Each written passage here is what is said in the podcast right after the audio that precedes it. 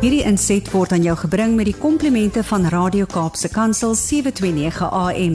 Besoek ons gerus by www.cape pulpit.co.za. Goeiedag, ek groet jou hierso uit die ateljee van Radio Kaapse Kansel hier in Kaapstad en my naam is Harm Engelbrecht en ek is van CBMC en CBMC is die Christian Business Men's Connection en dit is 'n wêreldwye bediening wat ook hier in Suid-Afrika werksaam is, ehm um, wat daaraan toegewy is om sake en professionele persone by die Here Jesus Christus uit te kry en hulle dan ook natuurlik toe te rus en op te bou om op te tree as disippels, disipelmakers en ambassadeurs vir Christus in die markplek. As jy nog nie betrokke is by by die bediening nie en jy wil graag meer weet of ook miskien in jou area ehm um, so so span van hierdie spanne vestig wat CBMC bedryf, dan wil ek jou graag uitdaag en jou aanmoedig om vir my 'n uh, e-pos te stuur na admin@cbmc.co.za en ek sal baie graag met jou wil ontmoet en met jou gesels daaroor. Besoek ook gerus ons webwerf vir meer inligting www.cbmc.co.za. Maar hierdie program gaan nie oor ons nie. Hierdie program gaan oor die woord van die Here en eh, lesse wat ons kan leer uit dit uit oor oor leierskap. En um, ons is besig met 'n reeks wat gaan oor Bybelse leierskap en ek het met julle begin gesels so 'n paar weke terug oor Spreuke en ek het die uitdaging ook gegee en ek hoop jy het dit gevat om elke dag van die van die maand een van die spreuke te lees volgens die datums van die kalender. Daar's 31 spreuke, so jy kan elke dag van die maand een spreuke lees volgens die datum. En kyk elke maand. Ehm um, as jy by die tweede of die derde keer daardeur gaan, sal jy agterkom dat nie dieselfde teksvers van Spreuke elke dag met jou praat nie, maar dat daar soms 'n ander vers is wat met jou gaan met jou gaan spreek. Ek wil ek wil net so deur Spreuke 'n vinnige ehm um, reis vat en ek het nou tot by Spreuke 5 gevorder laasweek. Ehm um, ek wil ek wil by Spreuke 6 begin en ek haal net so ietsie uit by by by by elke hoofstuk of so hier en daar gaan 'n paar hoofstukke oorslaan net iets uithaal wat ons kan leer rondom leierskap ook uit spreuke uit. Ehm um, maar gaan gerus terug en gaan lees ook soos ek nou net op aangemoedig het um, die hele spreuke boek en lees hom sommer gereeld deur. Nou in Spreuke 6 daarvan vers 6 af gaan skryf Salomo en hy sê hy gaan kyk na die muur Layard Kyk hoe hy werk en leer by hom. Hy het nie 'n leier nie, nie 'n opsigter of 'n regerder nie. Tog maak hy sy kosvoorraad reg in die somer. Versamel hy sy voedsel in die oestyd. Hoe lank gaan jy nog lê, Layard? Wanneer gaan jy opstaan? En dan gaan hy verder en sê nog 'n bietjie slymer, nog 'n bietjie slaap. Nog 'n bietjie hande vou en bly lê en daaroor val die armoede jou soos 'n rower daaroor rompel die gebrek jou soos 'n inbreker. En dan skryf hy nou verder oor oor oor mense wat nou nie so fliks is nie. En dis 'n groot tema in in in Spreuke is wysheid teenoor dwaasheid, fliksheid teenoor luiheid. En en en hy skryf hierso spesifiek nou ehm um, oor wat 'n mens kan leer by 'n muur. Nou ja, dis baie keer vir ons 'n irritasie as die as die mure die huis oorneem, uh, veral sekere seisoene van die jaar wat hulle wat hulle wat hulle so volop is. Ehm um, maar die vraag is wil jy 'n verskil maak. En dan moet jy gaan kyk na die muur as 'n rolmodel. Dis nogal verstommend dat een van hierdie kleinste van God se skepsels is en dat ons een van die grootste lesse by hulle kan leer. So wat kan ons by mure leer? En daar's so daar's so vier goedjies. En die eerste ding is hulle het 'n inherente inisiatief. Mure het nie 'n aanvoerder of 'n klaskaptein nodig om hulle aan die werk te sit nie. As hulle hulle hulle, hulle gaan net, hulle doen net wat hulle moet doen. Ehm um, hulle het 'n aangebore integriteit. Mure is betroubare werkers. Ehm um, wat doen wat reg is, selfs al is daar niemand wat rekenskap van hulle gaan vereis nie. Het jy al gesien as mure op 'n op 'n suikerkorreltjie afkom? Hoe vinnig is hulle daar en almal is net bymekaar en in 'n langer lyn hardloop hulle en dit lyk so of hulle met met mekaar praat as hulle so heen en weer loop, die twee lyne so een teen die ander. Jy moet bietjie gaan kyk. Ehm um, en hulle bly fliks, hulle maak vir hulle kos bymekaar. Hulle het hulle het 'n werksywer. Ehm um, uh mure werk hard. En en as hulle as iemand hulle muur sou beskadig, dan sou hulle dit weer vinnig herstel het. En gaan kyk 'n bietjie as jy ooit in die veld kom, as jy die voorreg het om in die binneland te wees waar muurshope is, hierdie groot muurshope in die veld, gewoonlik wat 'n rooi grond gebou is. Dis merkwaardig hoe hoe daai diertjies daai verskriklike groot muurshope gebou kry. En ehm um, ja, mure vertoon ook insig, nê. Ehm um, hulle hulle bære hulle voorraad op in die somer uh vir die vir die winter wat kom. So let op die muur se manier en leer daaruit, want daar is ook 'n bietjie wysheid in opgesluit. Ja, ehm um, die fliksheid. Partykeers dan is ons as mense nie so fliks nie. En dan soos ook maar soos die muur veral hier in die wintertyd net dan lewe ons maar nog so bietjie later dan staan ons ook maar nog 'n bietjie slymer en nog 'n bietjie slaap. Net nog so 10 minute net die wekker nog 'n keer nog 'n keer snoes. In Spreuke hoofstuk 10 ehm um, daarby vers 6 skryf Salomo die regverdige word geseën maar hy sê daar steek geweld agter die mooi woorde van die goddelose. Die nagedagtenis van die wat reg doen leef voort maar die naam van die wat verkeerd doen word gou vergeet. En dis ook nogals in Spreuke opvallend dat daar baie keer in een teksvers ehm um, twee goed geskryf word wat teenoor mekaar staan. Ehm um, die een teen die ander. Ehm um, byvoorbeeld vers 9 sê weer wie op reg lewe, leef sonder vrees. Wie krom paaie loop word uitgevind. So hy hy skryf 'n positiewe en 'n negatiewe so binne binne binne een vers. Maar wat ons in Spreuke 10, as jy die res van Spreuke 10 gaan deurlees, ehm um, gaan jy agterkom 'n hele klomp verse in Spreuke praat oor die tong en hoe ons dit as 'n positiewe instrument moet gebruik. Ehm um, en en hoe jy woorde slim moet gebruik. En leiers wat woorde slim kan gebruik en slim kan inspan, versterk gewoonlik hulle invloed. En leiers wat die mag van die woorde begryp, kan die volgende bereik. Die eerste ene is Hulle bring geregtigheid en seëninge volgens vers 6. Die regverdige word geseën, daar steek ehm um, so met met, met jou regte woorde kan jy kan jy mense seën bring. Vers 11 sê die woorde van die regverdige bring lewe en geluk. So omdat hulle woorde van hoop spreek, bring hulle ook lewe aan ander mense. Vers 13 en 14 sê daar is wysheid in die woorde van die een wat insig het. Vers 14 sê wyse mense loop nie te koop met hulle kennis nie. So wyse leiers se woorde van wysheid kan ook ander van hulle ondergang red. En dan in vers 19 en dis die moeilike ene. Ehm um, met baie praat bly die sonde nie uit nie. Wie sy woorde tel is versigtig. Baie keer dan praat ons mos vinniger as wat ons dink en ons praat te veel. En ons het nou net ook hier gelees in vers 14 wyse mense loop nie te koop met hulle kennis nie. Jy loop en vertel nie vir almal wat jy weet en en hoe, hoe baie jy geleer het nie en hoeveel grade jy het nie. Ehm um, hulle weet wanneer om stil te bly. En leiers weet wanneer stilte harder kan praat as woorde. En dan vers 21 in, in Spreuke 10 sê met wat die regverdige sê, sorg hy vir baie. So jou woorde kan mense ook voed en versorg. En dan die laaste twee verse van hoofstuk 10. Daar kom wysheid uit die mond van die regverdige. 'n Tong wat kwaadstig sal uitgesny word. Die regverdige weet om die gepaste ding te sê. Die goddelose stig net kwaad met wat hulle sê. So deur dinge te sê wat reg en gepas is, kweek ehm um, leiers ook uh geregtigheid in hulle volgelinge. En ek wil aanskuif na hoofstuk 13 van Spreuke. Weereens lees ons by die eerste verse: Wyse seun laat hom leer deur sy vader. En dit is ook het, wat ons in hierdie tot sover gesien het wat baie geskryf word. Is dat is dat baie dit gaan baie oor oor oor oor 'n oor pa en seun en en wysheid wat kom van 'n van 'n hoër gesag af. En of dit nou jy is dit wysheid van God ontvang of jy wat wysheid oordra aan jou kinders of jy as as besigheidsleier wat wysheid oordra aan jou werksmense. Dis belangrik om ook daai daai leergees te hê, maar ook daai daai ehm um, liefde te hê vir mense soveel sodat jy bereid is om aan hulle ook ook wysheid oor te dra wat jy het. En natuurlik ook wanneer jy doeltreffende leierskap wil hê, is dit ook nodig om die regte verhoudings te bou.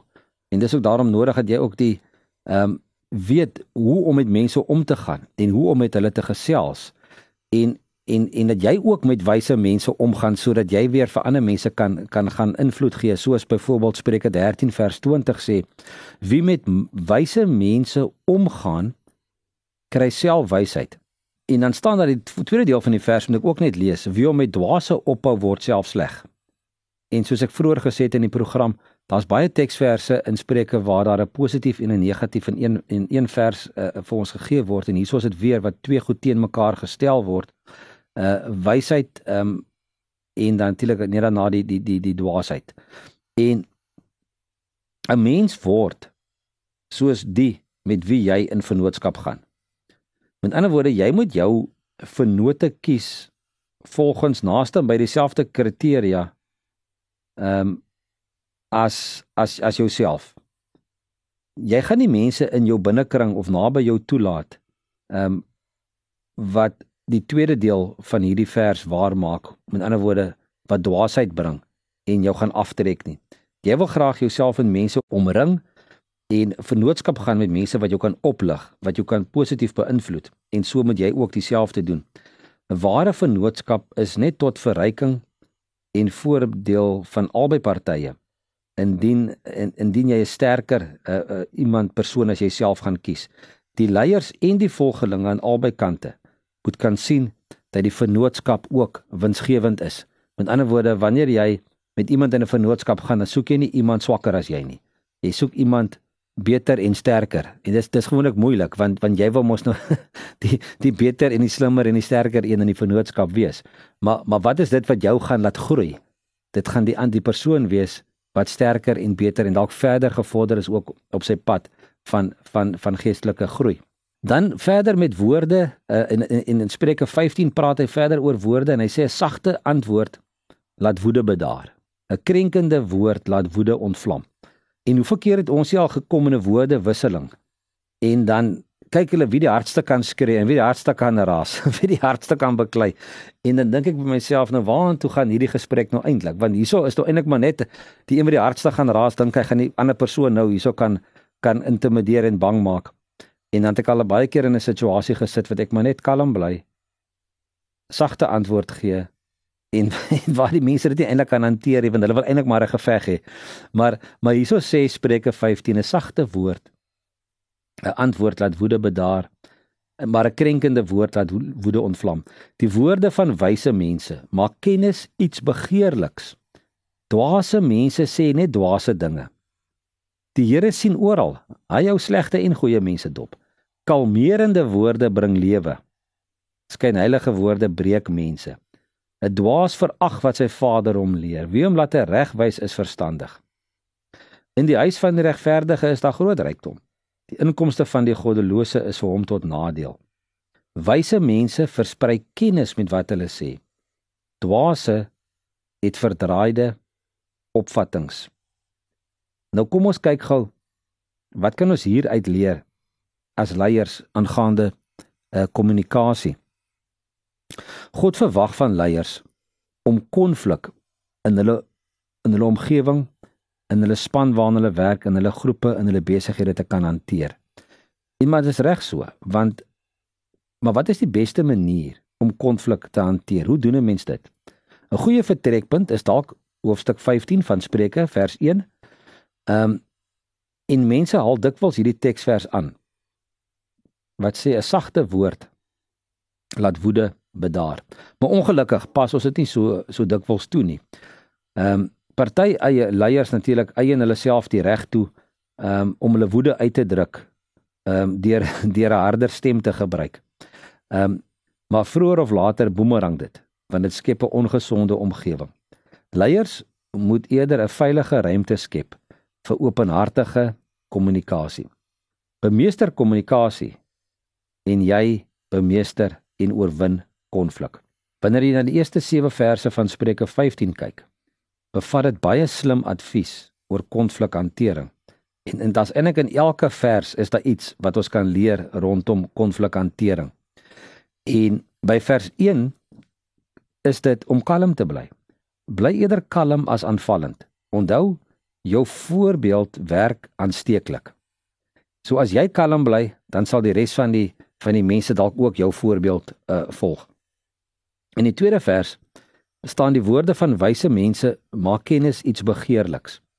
Jy kan met wysheid praat slegs as jou inligting waar en akkuraat is. So maak seker dat wanneer jy praat, dit feite is. Vers 3 Onthou dat die finale oordeel by die Here lê en hy reg sal laat geskied. Vers 3 sê die Here sien oral. Hy hou slegte en goeie mense dop. En dan die vierde punt, gebruik woorde om genesing te bewerkstellig. Soek eerder na 'n oplossing as om na die skuldige persoon te te soek. Dan staan in vers 4 kalmerende woorde bring lewe.